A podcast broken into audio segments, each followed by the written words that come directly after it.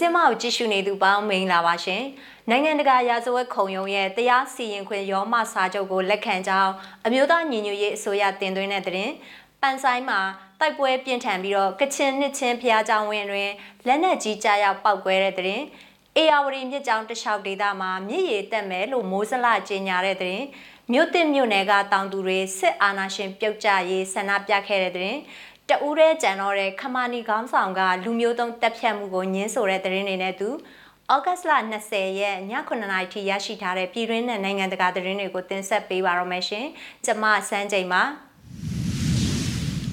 အမျိုးသားညီညွတ်ရေးအစိုးရ NUG ကနိုင်ငံတကာရာဇဝတ်ခုံရုံး ICC ရဲ့တရားစီရင်ပိုင်ခွင့်ကိုသဘောတူလက်ခံကြောင်းဒီကနေ့မှထုတ်ပြန်လိုက်ပါတယ်။ အမျိုးသားညီညွတ်ရေးအစိုးရရဲ့ယာယီသမရဒူဝါလက်ရှိလာက2002ခုနှစ်ဇူလိုင်လတရက်နောက်ပိုင်းမြန်မာနိုင်ငံမှာကျူးလွန်ခဲ့တဲ့နိုင်ငံတကာရာဇဝတ်မှုတွေအတွက်ခုံရုံးရဲ့တရားစီရင်ပိုင်ခွင့်ကိုသဘောတူလက်ခံတယ်လို့နိုင်ငံတကာရာဇဝတ်ခုံရုံးရဲ့မှတ်ပုံတင်အရာရှိထံတင်သွင်းလိုက်တာဖြစ်ပါတယ်။နိုင်ငံတကာရာဇဝတ်ခုံရုံးစာချုပ်ရောမစာချုပ်ပုံမှစနစ်ပုံမှခွဲသုံးတဲ့အညီတင်သွင်းခဲ့တာလို့ NUG ကထုတ်ပြန်ထားပါတယ်။ အခုလိုတင်သွင်းလိုက်တဲ့အတွက်ရောမစာချုပ်မှာသဘောတူလက်မှတ်ရေးထိုးမထားတဲ့နိုင်ငံကိုခုံရုံးရဲ့တရားစီရင်ပိုင်ခွင့်ကိုသဘောတူလက်ခံနိုင်စေတာဖြစ်ပါတယ်။အဆိုပါအချက်လက်ကိုစဉ်းစားနိုင်ဖို့ခုံရုံးရဲ့မှတ်ပုံတင်အရာရှိထံမှ2021ခုနှစ်ဇူလိုင်လ18ရက်မှာလွှဲပြောင်းပေးခဲ့ပါတယ်။အမျိုးသားညီညွတ်ရေးအစိုးရအနေနဲ့လူခွင့်ရေးချိုးဖောက်မှုအလုံးတွေတာဝန်ယူမှုတေချာစေရန်နဲ့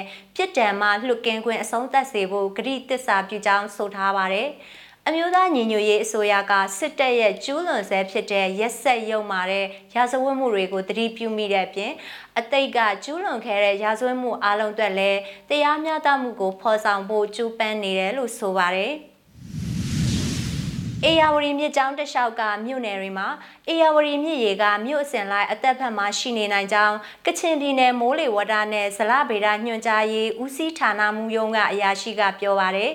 မြစ်ကြီးနားမြို့ရဲ့အောက်ဖက်ပိုင်းဒေသတွေဖြစ်တဲ့ကချင်ပြည်နယ်အတွင်းကဗမော်နဲ့ရွှေကူမြို့အပြင်စကိုင်းတိုင်းဒေသကြီးကကတာ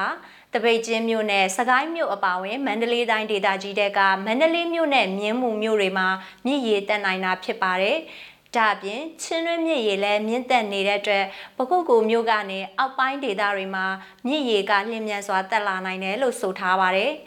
ဗမော်မြို့ကမြို့အထက်ပိုင်းမှာမိုးတဲထန်စွာရွာသွန်းမှုနဲ့သူမြစ်ကြီးနားမြို့ကနေကျဆင်းလာတဲ့အေယာဝတီမြစ်ရေရောက်ရှိခြင်းနဲ့တာပိန်ရေအားလျက်စစ်မှဖောက်ချလိုက်တဲ့တာပိန်မြစ်ရေစီးဝင်မှုတို့ကြောင့်တာမန်ထက်အနှဲငယ်မြစ်ရေမြင့်တက်မှုပိုနိုင်တယ်လို့သိရပါတယ်။တာပင်ရေအားလျက်စစ်ကရေဖောက်ချတဲ့ပမာဏနဲ့ရေဖောက်ချမဲ့အချိန်ကိုမသိရသေးတာကြောင့်မြစ်ရေတက်မဲ့ပမာဏကိုမခန့်မှန်းနိုင်သေးကြောင်းပြည်내မိုးစလဦးစီးအရာရှိနိုင်လင်းထွေးကဆိုပါတယ်။ ဒါကြောင့်တာပိန်မြစ်ကမ်းနဲ့နေတဲ့ပြည်သူတွေကကြိုတင်ပြင်ဆင်မှုတွေလှုပ်ဆောင်ထားဖို့လိုတယ်လို့ဆိုပါတယ်။မနစ်ကလည်းတာပိန်ရေအားလက်စစ်ဆက်ယုံကရေတွေကိုဖောက်ချခဲ့ပူပါတယ်။မနစ်ကအတွေ့အကြုံရဗမော်မြို့တွင်စိုးရိမ်စရာတိတ်မရှိပေမဲ့အေယာဝတီမြစ်ရေအနှဲငယ်အသက်မြန်လာနိုင်တယ်လို့ပြည်내မိုးစလယုံကဆိုပါတယ်။ရွှေကူမြို့မှာတော့အေယာဝတီမြစ်ရေကဗမော်မြို့မှာမြစ်ရေတက်ပြီးနောက်ပိုင်းနောက်24နာရီတွင်ဆက်လက်မြင့်တက်လာမှာဖြစ်ပါတယ်။ရွှေကူမြို့မှာ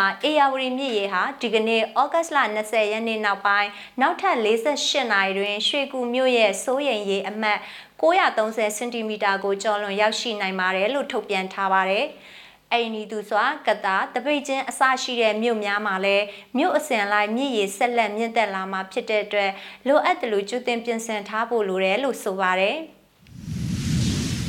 ရှမ်းပြည်နယ်မြောက်ပိုင်းကျူကုတ်ပန်ဆိုင်မြို့မှာ KIA MNDAA ပူးပေါင်းဖွဲ့နဲ့စစ်ကောင်စီတပ်တို့ဒီကနေ့ဩဂတ်20ရက်နေ့လယ်မှာတိုက်ပွဲအပြင်းထန်ဖြစ်ပွားခဲ့ပါတယ်။တိုက်ပွဲကြောင့်ကချင်နှစ်ချင်းခရီးရန်ကျောင်းဝင်းအတွင်းကိုလက်နက်ကြီးကြားရောက်ပောက်ကွဲမှုလည်းရှိတယ်လို့ဒေသခံတွေကပြောပါတယ်။ကျူကုတ်ပန်ဆိုင်မြို့မြင်းတန်တောင်ကျောမှာတိုက်ပွဲဖြစ်နေပြီးဒေသခံတွေဘေးလွတ်ရာတိမ်းရှောင်နေရတယ်လို့ဒေသခံတဦးကအခုလိုပြောပြပါဗျာ။ အရက်သားထိခိုက်တဲ့ရင်တော့မကြားသေးဘူးအရင်ရက်ကတိုက်ပွဲကြောင့်အရက်သားတွေပြေးနေရတယ်အခုလည်းပြေးနေရတယ်စစ်တပ်ဘက်ကလက်နက်ကြီးတွေနဲ့ရန်တမ်းပစ်နေတယ်လို့ပြောပါတယ် KIA နဲ့ MNDAA တို့ပူးပေါင်းဖွဲ့တဲ့စစ်ကောင်စီတပ်တွေဟာကျူကုတ်ပန်းဆိုင်မြို့မှာဩဂတ်6ရက်ကစပြီးတိုက်ပွဲဖြစ်ခဲ့တာကြောင့်အရက်သားတထောင်ကျော်ဟာနေဆက်တလျှောက်ဘေးလွတ်ရာမှာခိုလုံနေရပါတယ်။ KIA တပ်မဟာ6နဲ့ MNDAA တို့ပူးပေါင်းပြီးတော့စစ်ကောင်စီတပ်တွေကိုတိုက်ခိုက်တာဖြစ်ပြီးဒီကနေ့ညနေ3နာရီထိပစ်ခတ်တံတွေကြားနေရဆဲဖြစ်တယ်လို့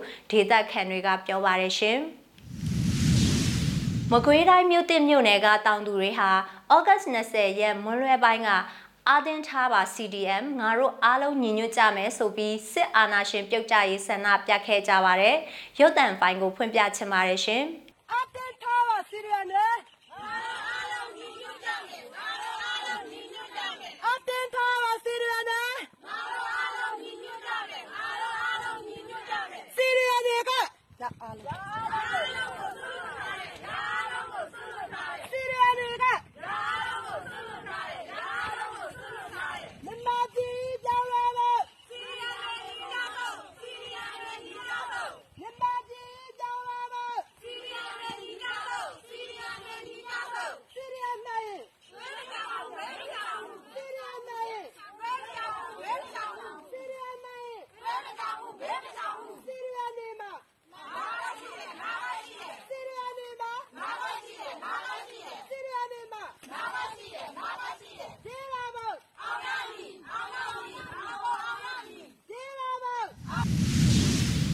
ဆက်လက်ပြီးနိုင်ငံတကာသတင်းအနေနဲ့တဦးတည်းကြံတော့တဲ့ခမာနီကောင်းဆောင်ကလူမျိုးတုံးတပ်ဖြတ်မှုကိုညှင်းဆိုလိုက်တဲ့သတင်းကိုလည်းရှုစားရအောင်ပါရှင်။ဒူးရဲသာ တက်ရှိထင်ရှားကြံတော့တဲ့ခမာနီကောင်းဆောင်ကလွန်ခဲ့တဲ့အနှစ်40ကျော်ကကျူးလွန်ခဲ့တဲ့ကမ်ဘောဒီးယားကလူမျိုးတုံးတပ်ဖြတ်မှုအတွက်တာဝန်မရှိကြောင်းဩဂုတ်လ19ရက်ကြာသပတေးနေ့ကနိုင်ငံတကာခုံရုံးမှညှင်းဆိုလိုက်ပါတယ်။နောက်တော့အမှတ်၁ပူပေါ်ဦးဆောင်တဲ့အစွန်းရောက်မော်ဝါဒီခမာနီအစိုးရလက်ထက်မှာ1985ခုနှစ်ကနေ1989ခုနှစ်အတွင်းကမ်ဘောဒီးယားပြည်သူနှစ်တန်းကန်ဟာအလွန်ကျွံအလုတ်စစ်ခိုင်းခြင်းအစာရည်စားအငတ်ထားခံရခြင်းစတာတွေနဲ့အစုလိုက်အပြုံလိုက်တပ်ဖြတ်ခံခဲ့ရပါတယ်။လျှို့ဝှက်အစိုးရရဲ့လူသိများသူအနှဲငယ်တွေကတူဦးဖြစ်တဲ့ကျူဆန်ဖန်ကိုလူနည်းစုဗီယက်နမ်များအပေါ်လူမျိုးတုံးတပ်ဖြတ်မှုအတွက်ကုလသမဂ္ဂကြောတော်နောက်ခံပြုထားတဲ့တရားရုံးက2018ခုနှစ်မှာထောင်ဒဏ်တသက်ကျွန်းချမှတ်ခဲ့ပါတယ်။ဒါပေမဲ့တနင်္လာနေ့နေကင်းပိုင်းအယူခံကြားနာမှုမှာခုံရုံးကသူ့ကိုအပြစ်ရှိကြောင်းဝန်ခံထွက်ဆိုဖို့နမိတ်ပြမေးခွန်းတွေမေးခဲ့တယ်လို့သူ့ရဲ့ရှေ့နေတွေကစောရကတက်ခဲ့ကြပါတယ်။ ရာဇဝတ်မှုကိုရည်ရွယ်ချက်ရှိရှိကျူးလွန်တယ်ဆိုတဲ့ဆွဆွဲချက်ကိုလုံးဝညှင်းပယ်ပါတယ်လို့အသက်60အရွယ်၎င်းကကြာတာပရိနေ့အယူခံကြားနာမှုအပြီးမှာပြောကြားခဲ့ပါတယ်။ကျုပ်ဘယ်တော့မှသူတို့အပေါ်မကျူးလွန်ခဲ့ဘူးလို့သူကဆိုပါတယ်။ခမ်းမွတ်စလင်တွေနဲ့လူနည်းစုဗီယက်နမ်တွေအပေါ် ကျူးလွန်ခဲ့တဲ့အစုလိုက်အပြုံလိုက်တပ်ဖြတ်မှုအတွက်အသေးစိတ်ထွက်ဆိုခဲ့ကြတဲ့တပ်တွေတရားကျော်ကိုစစ်ဆေးမှုအပါအဝင်၃နှစ်ကြာကြားနာစစ်ဆေးမှုကို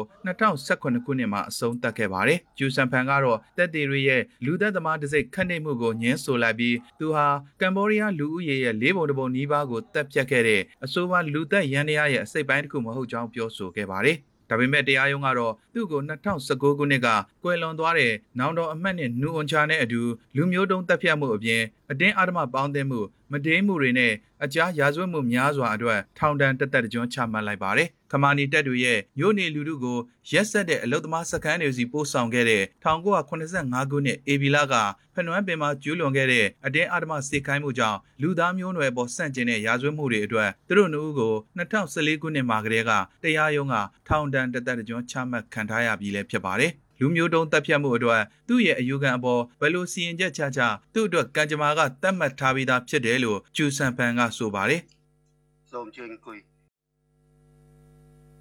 ကမ္မန္တရပပတ္တဟဩကရတကံရူမဒေါနာစောတေ ခမရတို့ဘလို့ပဲဆုံးဖြတ်ဆုံးဖြတ်ကျုပ်ကတော့ထောင်ထဲမှာပဲတည်ရမှာပဲကျုပ်တူးစာကျူးလွန်ခဲ့တဲ့အပြစ်ထက်ပိုပြီးစာအုပ်ကြီးအတိုင်းစီရင်ခံရတာဖြစ်တယ်လို့သူကဆိုပါတယ်အယူခံအတွက်စီရင်ချက်ကို2022ခုနှစ်အတွင်းချမှတ်ဖွယ်ရှိနေပါတယ်ဘလို့ပူးပေါင်းရာဇဝတ်မှုမျိုးကိုမှကျုပ်မကျူးလွန်ခဲ့ဘူးဘယ်ချိန်ပဲဖြစ်ဖြစ်အဲ့ဒီရာဇဝတ်မှုတွေကိုရွေချက်ရှိရှိကျူးလွန်ခဲ့တယ်ဆိုတဲ့ဆွဆွဲချက်ကိုလုံးဝညှင်းပယ်တယ်လို့ခမာနီကောင်းဆောင်ဟောင်းကျူဆန်ဖန်ကဆိုပါတယ်ကျုပ်တို့အရေးကြီးတာကခမည်းကိုပြောပြဖို့ပဲအထူးသဖြင့်င့်ကမ်ဘောဒီးယားလူမျိုးတွေကိုပြောချင်တာကကျုပ်ဟာဘယ်တုန်းကမှကျုပ်ရဲ့ဆွေမျိုးသားချင်းသူတို့တွေအပေါ်မှာရာဇဝတ်မှုမကျူးလွန်ခဲ့ဘူးဆိုတာပါပဲလို့သူကဆိုပါတယ်ဘလို့ပဲဆုံးဖြတ်ဆုံးဖြတ်ထောင်ထဲမှာတေးရမှာပဲကကမ်ဘောဒီးယားလူမျိုးတွေရဲ့ဒုက္ခတွေကိုတည်တဲ့အထိသတိရနေမှာပါအားလုံးရဲ့ရှေ့ကတယောက်တည်းရက်တည်ပေးခဲ့တာကိုသတိရနေမယ်အမှန်တကယ်လောက်ခဲ့တာထက်ပိုပြီးပုံသင်နည်းအတိုင်းစီရင်ခံရတာလို့သူကဆိုပါတယ် မြင်းစင်းမရဲ့ဩဂတ်စ်လ20ရက်ည9:00နာရီထိရရှိထားတဲ့သတင်းတွေကိုတင်ဆက်ပေးခဲ့တာပါကြည့်ရှုအားပေးခဲ့တဲ့အတွက်ကျေးဇူးထူးတင်ရှိပါတယ်မြန်မာပြည်သူတွေဘေးအန္တရာယ်ပေါင်းကကင်းဝေးကြပါစေရှင်